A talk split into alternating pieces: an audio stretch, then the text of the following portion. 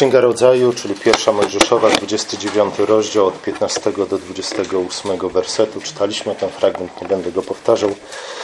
E, pewnie chcielibyście usłyszeć tajemnicę bladych oczu, o, o tajemnicy bladych oczu Lei, ale dzisiaj o tym nie będę mówił. Za 12 lat, jak wrócimy do tego fragmentu, być może wtedy.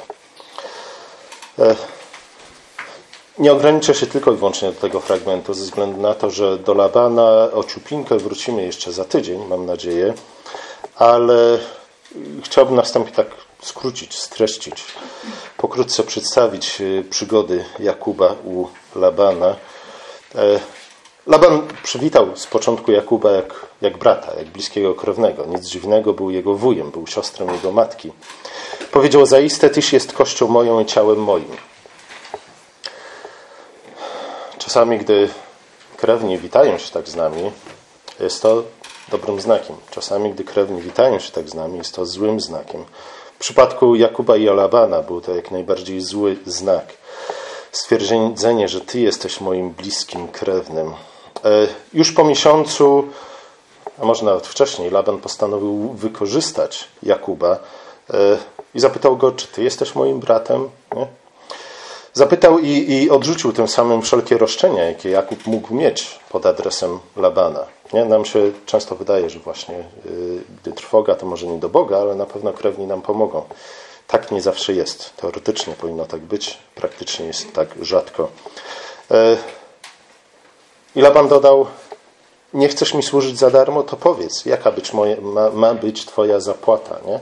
Od tego momentu Laban teoretycznie znów zaczął traktować Jakuba jako swojego pracownika, raczej najemnika, chociaż tak naprawdę traktował go niemalże do samego końca jako swojego niewolnika.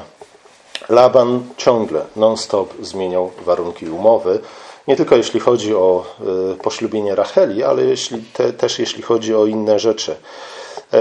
Laban w gruncie rzeczy sprzedał swojej córki Jakubowi. E, dla własnych celów wykorzystał to, co, co do nich należało, wykorzystał ich wiano. E, I wygląda na to, że, że Laban, jeśli nie od początku, to bardzo szybko chciał wykorzystać, posłużyć się Jakubem. Niestety Jakub był w sytuacji, w której Labanowi było bardzo łatwo posłużyć się Jakubem ze względu na to, że Jakub za bardzo nie miał wyjścia. Po pierwsze ze względu na swoją miłość do Racheli, nie? Nam się wydaje, że miłość to jest coś najlepszego, co może nas spotkać, ale, ale pamiętajmy o tym, że, że miłość jest czymś, oczywiście najlepszym, co może nas spotkać, ale, ale prawdziwa miłość nie oznacza, że jeśli tylko znajdziemy tę jedną, jedyną osobą, to od tej pory wszystko w naszym życiu się dobrze poukłada. Nie. W tym momencie zaczynają się prawdziwe problemy i prawdziwe kłopoty, dlatego że nie jesteśmy już więcej samym sobą. Nie? Jesteśmy nową osobą, związaną z inną osobą i niestety Wszechświat w tym momencie się trochę bardziej komplikuje niż gdy byliśmy sami.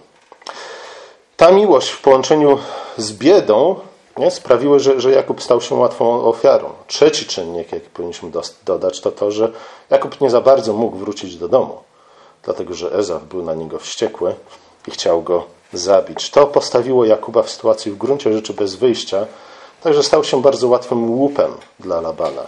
Nie? I znów, teoretycznie Laban był wyznawcą Jahwe, więc teoretycznie Laban powinien okazać gościnność Jakubowi i pomóc mu. Laban był jego wujem, teoretycznie też powinien mu pomóc. Nie? Ale właśnie z tych wszystkich względów Laban stał się tyranem dla Jakuba. Laban ponadto był człowiekiem chciwym i złośliwym. Nie, nie, nie chodziło tylko i wyłącznie o rząd, rządzę władzy, ale chodziło także o rządzę pieniądze. Kiedy już miał Jakuba w swoim ręku, kiedy już kontrolował jego życie, chciał go jak najlepiej wykorzystać. E, I oczywiście bardzo szybko Laban też zauważył, że, że dzięki pracy Jakuba, ze względu na to, że Bóg błogosławi Jakubowi, Laban się wzbogaca. Nie? E, Jakub był dla niego takim talizmanem talizmanem, który bardzo dobrze i skutecznie działał i dzięki posiadaniu którego Laban stawał się coraz bogatszy. Nie? Moglibyśmy się zapytać, dlaczego Pan Bóg w takim razie e, błogosławił pracę Jakuba. Nie? Skoro zyskiwał na tym nie Jakub, ale Laban, ale o tym będę mówił za 24 lata, kiedy wróciłem do tego fragmentu. Po 14 latach niewoli Jakub był gotowy opuścić dom Labana ze względu na to, że odsłużył 7 lat za Rachelę i 7 lat za Leę. E, Jakub wciąż nie chciał go uwolnić, wciąż nie chciał honorować umowy. Nie, tak, ja wiem, że to tak spływa po nas bardzo szybko, nie? ale to mówimy o 14 latach, nie o 14 dniach, nie o 14 tygodniach, nie o 14 miesiącach, mówimy o 14 latach. Nie? To z jednej strony wskazuje, jak bardzo Jakub kochał swoją żonę, ale z drugiej wskazuje, strony wskazuje na to, że to był jednak długi okres czasu. Nie? I znów czekaliście na coś 14 lat? Nie? Jeśli czekaliście, wie, wiecie co to znaczy. Czekaliście na coś 14 lat w bardzo trudnych, niesprzyjających okolicznościach, jeszcze lepiej jesteście w stanie zrozumieć Jakuba. Ale to nie był koniec niewoli Jakuba ze względu na to, że Laban znów w podstępny sposób wydłużył tę niewolę o kolejne 60 lat. Mówimy o 20 latach niewoli, które Jakub spędził u Labana. E, czy wiecie, ile Jakub miał lat? Czy pamięta, wiecie, wiecie na pewno, ale czy pamiętacie, ile Jakub miał lat, gdy trafił do Labana? Słucham? 40? 70. 70 lat miał Jakub, gdy trafił do Labana. E, od 70 do 90 roku życia był niewolnikiem u Labana. E, w którymś momencie nadarzyła się okazja, żeby Jakub w końcu uwolnił się do Labana i uciekł od niego. Laban wyjechał na trzy dni po to, żeby dokonać inspekcji swoich trzód i w tym momencie Jakub bardzo szybko się spakował. Był wcześniej do tego przygotowanym, wcześniej opracował plan, czekał tylko na okazję i uciekł. I uciekł. Y, uciekł nie zwlekając, dlatego że coraz bardziej bał się Labana. Bał się Labana nie tylko ze względu na to, że, że Laban go zniewolił, ale bał się także Labana, bo, bo Laban coraz bardziej bał się Jakuba. Więc nie wiadomo, czego jeszcze mógł oczekiwać Jakub od Labana. Obawy Labana były uzasadnione, dlatego, e, obawy Jakuba były uzasadnione, dlatego że i Laban, jak tylko usłyszał o, o ucieczce Jakuba, i znów teoretycznie Jakub mógł wyjechać w każdej chwili. Teoretycznie nie był żadnym niewolnikiem. Nie? Jedyna władza, jaką Laban miał nad nim w tym momencie, były już nie tylko córki, czy też obietnica, jaką złożył wcześniej Jakub, ale to, że po prostu Laban był silniejszy. Nie? Oprócz siły Labana, oprócz żołnierzy, wojowników, których posiadał, tak naprawdę nic nie trzymała Jakuba u Labana. Po siedmiu dniach Laban dogonił Jakuba, oczywiście mając jak najgorsze zamiary względem niego, ale wtedy Bóg zainterweniował nie? i wymógł na Labanie to, aby zawarł z Jakubem przymierze, aby obiecał, że nie będzie nastawał na życie Jakuba, swoich córek, swoich wnuków i pozwolił im w końcu odejść, tak jak to lata temu, lata wcześniej e, obiecał. To tak pokrótce, nie? przygody Labana i Jakuba, czy też Jakuba u Labana. Jakub przeżył jeszcze wiele rzeczy w swoim życiu. Nie? Jakub żył jeszcze jakieś, jeśli dobrze pamiętam, grubo ponad 50 lat. Nie? Doświadczył tego, co wydawało mu się śmiercią swojego syna. Później trafił w końcu do Egiptu, gdzie umarł mając chyba 145 albo około tego lat. E, w 30 rozdziale Księgi Przysłów, czyli Księgi Przypowieści, znajdujemy słowa Agura, syna Jaka. E, przypowieści są napisane i zebrane przez króla Salomona, ale te, te, te słowa, ten 30 rozdział ma innego autora. Nie będę Wam wyjaśniał dlaczego, ale wiele wskazuje na to, że e, Agurem był Jakub. Nie? Możemy o tym sobie kiedyś po, podyskutować, a jeszcze lepiej będzie, jak sobie poczytacie na ten temat.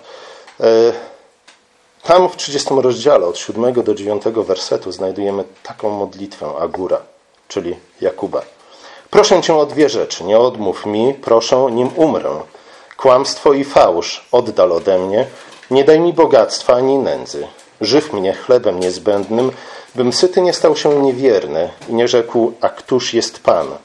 Lub z biedy nie począł kraść i imię mego Boga znieważać. Nawet jeśli nie zgadzacie się z tezą, że, Jak, że Agur to Jakub, e, to zwróćcie uwagę na to, jak bardzo trafna jest ta modlitwa. Nie? Jak bardzo pasowałaby do Jakuba. Nie? Zapewne jest to modlitwa, którą modlił się Jakub pod koniec swojego życia. Nie? I ta modlitwa jest modlitwą wypowiedzianą pod koniec życia, jest wypowiedzianą przez człowieka, który wiele przeżył i wiele doświadczył. Nie odmów mi, proszę, zanim umrę, mówi Agur.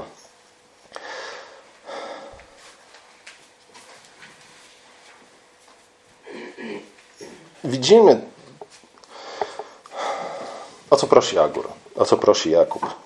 Prosi o dwie rzeczy przede wszystkim. Nie? Po pierwsze, żeby Bóg oddalił od niego kłamstwo i fałsz. Po drugie, żeby nie uczynił go ani biednym, ani bogatym. Nie? Zwróćcie uwagę na to, jak, jak znów, jak powiedziałem, bardzo dobrze pasują te słowa modlitwy do, do życia i doświadczenia Jakuba. Nie? Zwłaszcza w kontekście jego przygód z Labanem, choć nie tylko. Również w kontekście jego przygód ze swoim ojcem Izaakiem, a także z, ze swoim bratem Ezawem. E, Jakub bardzo dobrze doświadczył nie? jednego i drugiego. Spotkał się z fałszem, spotkał się z kłamstwem, spotkał się z ludźmi, którzy e, chcieli go wykorzystać przy pomocy fałszu i kłamstwa.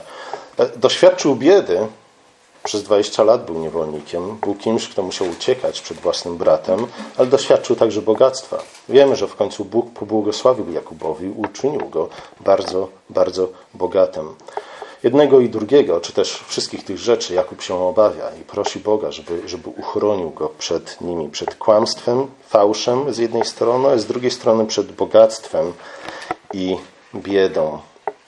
Oczywiście wiele, wiele osób, wiele komentatorów, gdy, gdy omawia historię Jakuba o Labana, stwierdzają, że no, po prostu nie? oko za oko, ząb za ząb. Otrzymał, został potraktowany tak przez Labana, jak sam wcześniej potraktował swojego brata Ezawa. Nie? Co jest bez sensu w gruncie rzeczy. Nie? I każdy, kto czyta tę historię, wie, że, że tak nie jest. E, Izaak był tyranem. Nie? Izaak nie traktował swojego syna Jakuba tak, jak powinien go traktować. Izaak traktował swojego syna tak, jak Laban traktował swojego siostrzeńca. Nie? I Izaak doskonale wiedział, kto ma być pierworodnym, kto wbrew naturalnemu porządkowi miał dziedziczyć e, dwie trzecie majątku swojego ojca. Nie? Izaak jednak ponadto Kolejna rzecz, o której nie powinniśmy zapominać. Nie? Dlaczego Izaak mógł cieszyć się dostatnim życiem? Tylko i wyłącznie ze względu na pracę Jakuba. Jakub był tym, który doglądał i pilnował jego majątku, majątku swojego ojca. Tylko dzięki pracy Jakubowi i błogosławieństwu, które przez Jakuba spływało na dom Izaaka, Izaak mógł się, się cieszyć y, dostatnim życiem. Nie? Izaak tego wszystkiego nie dostrzegł. Izaak tym, tym wszystkim wzgardził. Wzgardził jasnym i wyraźnym słowem Boga i wzgardził tym, dzięki czemu żył w dostatku każdego dnia. Faworyzował tego, o którym Bóg powiedział, że to on, starszy, będzie służył młodszemu. Izaak chciał pozbawić Jakuba wszystkiego. Izaak zachował się jak tyran. Dlatego też Jakub jak najbardziej miał podstawy do tego i miał słuszność, kiedy posłużył się podstępem, aby otrzymać od Izaka to, co sam Bóg mu obiecał. Nie? W ten sposób prowadzi się wojna. E, przy pomocy kłamstwa, przy pomocy fałszu, przy pomocy oszustwa. Tego, którego, któremu kłamiemy, tego, którego traktujemy fałszem, nie? traktujemy jak naszego wroga. Każdego człowieka, którego okłamujemy, traktujemy jak naszego wroga. Nie? Czasami słusznie, częściej niesłusznie, nie? E, kiedy dzieci kłamią swoim rodzicom, nie chcąc wyjawić prawdę, prawdy o tym, co zrobiły albo czego nie zrobiły, nie? najwyraźniej bojąc się prawdy, w tym momencie traktują swoich rodziców jak, jak wrogów. E, najczęściej niesłusznie. Tak to funkcjonuje, ale, ale, ale Jakub miał, miał wszelkie powody do tego, aby otrzymać, aby pójść za radą swojej matki Racheli i otrzymać to, co Bóg mu obiecał. W tym przypadku jest jednak jest inaczej, nie? Izaak i Laban potraktowali Jakuba jak prawdziwi tyrani. Zachowali się jak prawdziwi tyrani. Byli prawdziwymi tyranami. Nie? Oni oszukiwali Jakuba, chociaż Jakub w żaden sposób im nie zagrażał, chociaż Jakub nie okazał żadnej wrogości w stosunku do niego, chociaż Jakub był dla nich kurą znoszącą złote jaja. Oni posługiwali się kłamstwem i oszustwem po to, aby zniewolić dobrego i sprawiedliwego człowieka. Zresztą Jakub w ten sposób jest nazwany w Piśmie Świętym. W naszych Bibliach, w większości polskich tłumaczeń jest nazwane człowiekiem pięknym, ale tak naprawdę jest to słowo, które powinniśmy tłumaczyć jako sprawiedliwe. Nie? To samo z tym samym słowem określony jest Abraham, Noe, Hiob. Oni wszyscy są przykładami ludzi sprawiedliwych, którzy właśnie ze, ze, ze względu na swoją sprawiedliwość zostali tak, a nie inaczej potraktowani przez ludzi złych.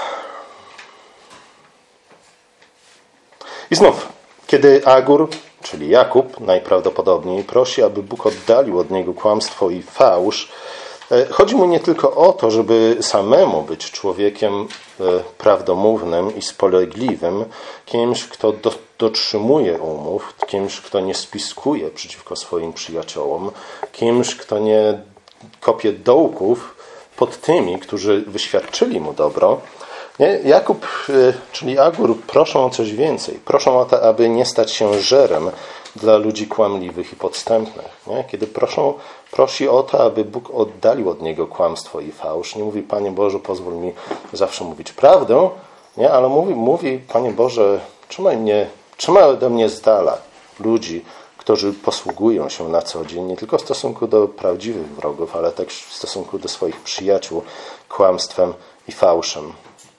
Widzicie, gdyby Agur był, czyli Jakub, był trochę bardziej pewny siebie, gdyby był człowiekiem trochę bardziej asertywnym, pewnie modliłby się w inny sposób. Nie? W jaki sposób modliłby się? Modliłby się tak, Panie Boże, daj mi rozum, abym mógł rozpoznać fałsz i podstęp. Nie? Panie Boże, daj mi rozum, abym przejrzał złe zamiary moich wrogów. Nie? Czy, czy nie wolelibyśmy się modlić raczej w ten sposób? Nie? Gdy, gdybyśmy posiedli tego typu zdolność, tego typu mądrość, abyśmy byli w stanie przejrzeć wszelki fałsz i podstęp naszych wrogów, czy też pseudo-przyjaciół, nie? Czyż to nie otworzyłoby nam o wiele więcej możliwości do działania? Czyż to nie uczyniłoby nas o wiele bardziej skutecznymi w budowaniu Królestwa Bożego? Agur jednak, bogaty doświadczenie życiowe, e, prawdopodobnie grubo ponad stuletnie, wie, że o wiele lepsza jest modlitwa, której nauczył nas Pan Jezus. Nie wódź nas na pokuszenie. Nie, nie wódź nas na pokuszenie. Trzymasz, trzymaj nas, nas z dala od złych i podstępnych ludzi. Nie wystawiaj nas na zbyt wielkie próby, e, abym Cię nie zawiódł.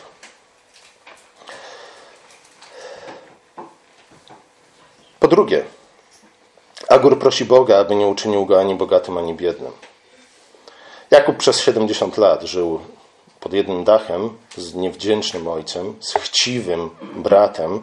Później przez 20 lat służył u chciwego i niewdzięcznego i podstępnego Labana, dla którego bogactwo, chęć zysku było o wiele ważniejsze niż własna rodzina.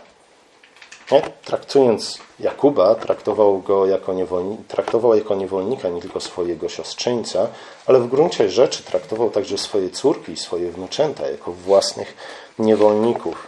Jakub doświadczył życia w biedzie i w ucisku. Nie?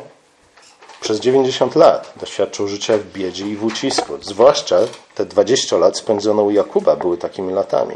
Później stał się bogaty, jak już mówiłem. Później Pan Bóg mu pobłogosławił.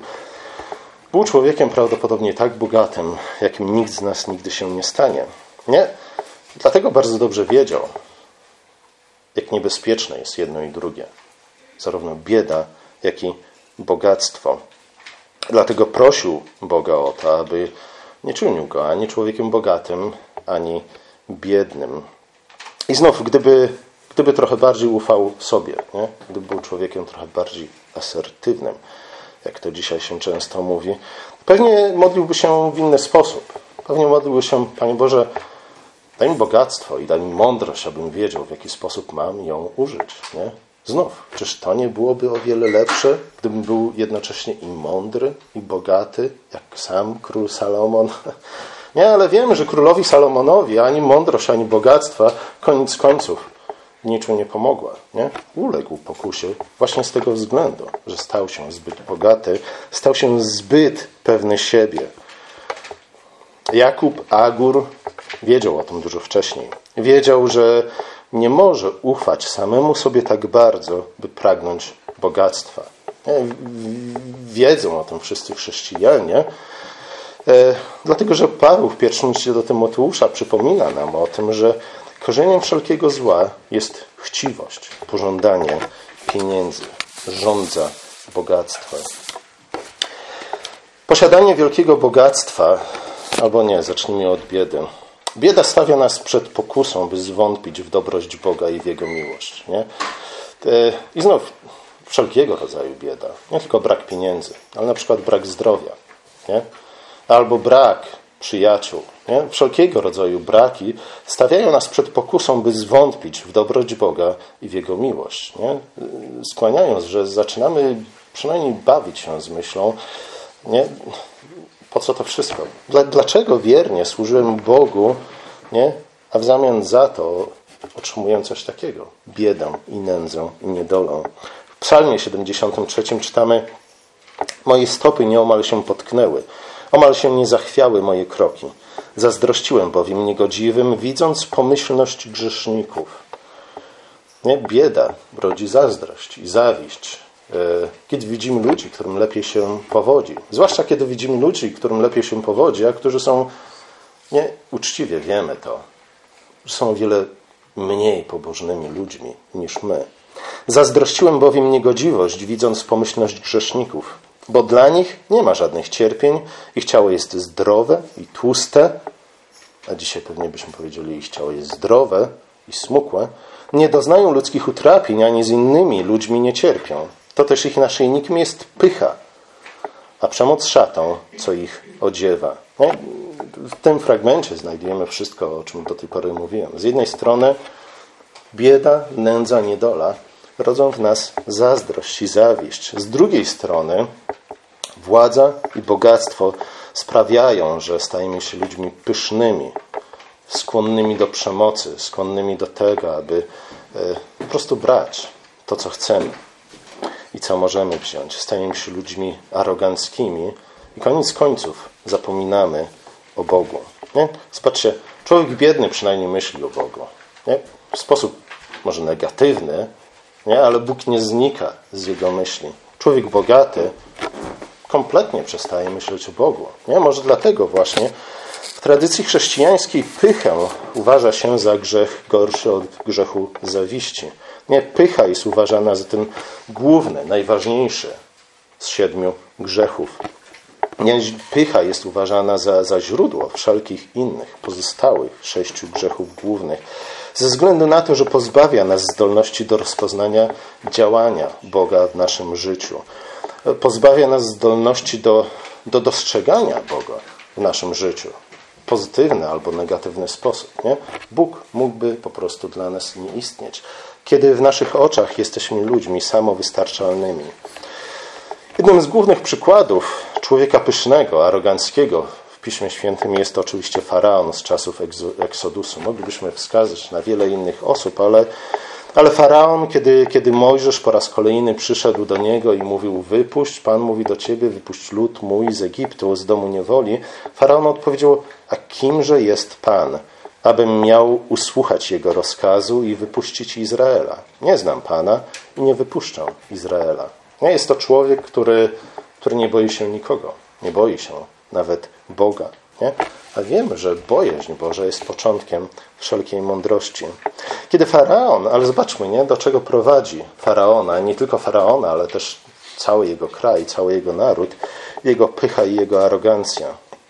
Kiedy faraon odmówił uznania mocy większej niż jego własna moc, nie? kiedy stwierdził, kim jest Bóg, żeby miał się nim przejmować, e, jakie były tego skutki? Wprowadził swój kraj na drogę upadku i zniszczenia. Nie? I w końcu sam wraz ze swoją armią zginął w wodach Morza Czerwonego.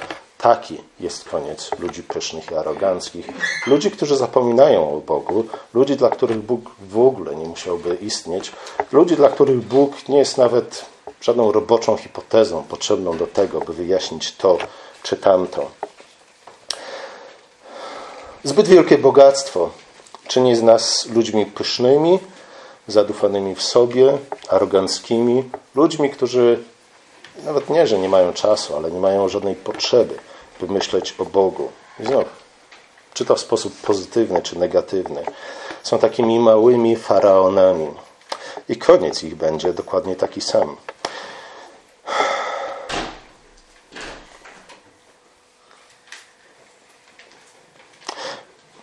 Pierwsza rzecz, jaką zapominamy, gdy stajemy się zbyt potężni, zbyt bogaci, nie? kiedy mamy zbyt wiele tego wszystkiego, co wydaje nam się, że potrzebujemy, e, Pierwszą rzeczą, jaką wtedy zapominamy, jest to, że Bóg daje nam każdego dnia dokładnie to, czego potrzebujemy.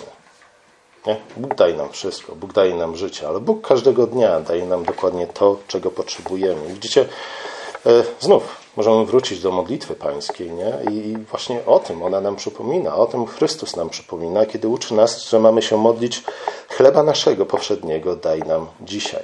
Nie? Powiedział, nauczył nas tej modlitwy w kontekście kazania na górze, w kontekście którego też przypomina o tym, że nie powinniśmy się zbytnio troszczyć, nie powinniśmy troszczyć się o, o, o przyszły, przyszły dzień, nie? co wcale nie znaczy, że nie powinniśmy dzisiaj już kupić sobie rzeczy, które będziemy potrzebować jutro. Nie, ale nie powinniśmy być ludźmi zbyt zapobiegli, zapobiegliwymi, takimi, jakimi są ludzie chciwi pieniądze. Zapominamy też bardzo szybko, że nie samym chlebem człowiek żyje, e, ale każdym słowem wychodzącym z ust pańskich. I właśnie o tym przypomina nam również Agur w swojej modlitwie. Piąty werset 30 rozdziału. E, modlitwa Agura, modlitwa Jakuba jest modlitwą człowieka pokornego. Nie? I od niego możemy się nauczyć, czym jest między innymi pokora. E, człowiek pokorny to człowiek, który nie do końca ufa samemu sobie. Nie? Zapamiętajcie to. Człowiek pokorny to człowiek, który nie do końca ufa samemu sobie. Nie? I znów mamy raczej skłonność do tego, żeby nie ufać innym, nie? bo wielokrotnie spotkaliśmy się z ludźmi, którzy nie dotrzymali e, słowa na, nam danego. Ale człowiek pokorny to nie jest ten, który nie ufa innym. Człowiek pokorny to jest ten, który nie do końca ufa samemu sobie, gdyż wie, że jeśli stoi, to stoi nie o własnych siłach, a jeśli zapragnie oprzeć się na samym sobie, tak jak faraon, to niechybnie upadnie, a wraz z nim cały jego dom. Zamiast tego zamiast na samym sobie woli, woli polegać na Bogu, nie? a w szczególności na Jego Słowie. I właśnie w ten sposób e, od tych słów rozpoczyna się modlitwa Agura. Każde słowo Boga w ogniu jest wypróbowane, tarczą jest dla tych, co doń się uciekają. Pomódlmy się. Nasz drogi łaskawy Ojcze, dziękujemy Ci za historię Jakuba, e, za lata, które spędził u Labana. Dziękujemy Ci za to, że tak wiele możemy się od Niego nauczyć i prosimy Cię o to, abyśmy nauczyli się tego samego, czego Jakub nauczył się z tego doświadczenia. Prosimy Cię, Ojcze, o to, abyś zachował od nas e, kłamstwo i fałsz e, ludzi, którzy posługują się podstępem po to, aby z nas zniewolić. A z drugiej strony prosimy Cię o to, abyś zachował nas od pychy i zawiści, od, od bogactwa i od biedy abyśmy nie przekleli Ciebie albo nie zapomnieli całkowicie o Tobie. Ojcze, prosimy Cię o to, abyś dał nam pokorne serca, które nie ufają same sobie, ale we wszystkim szukają oparcia w Twoim słowie. Amen.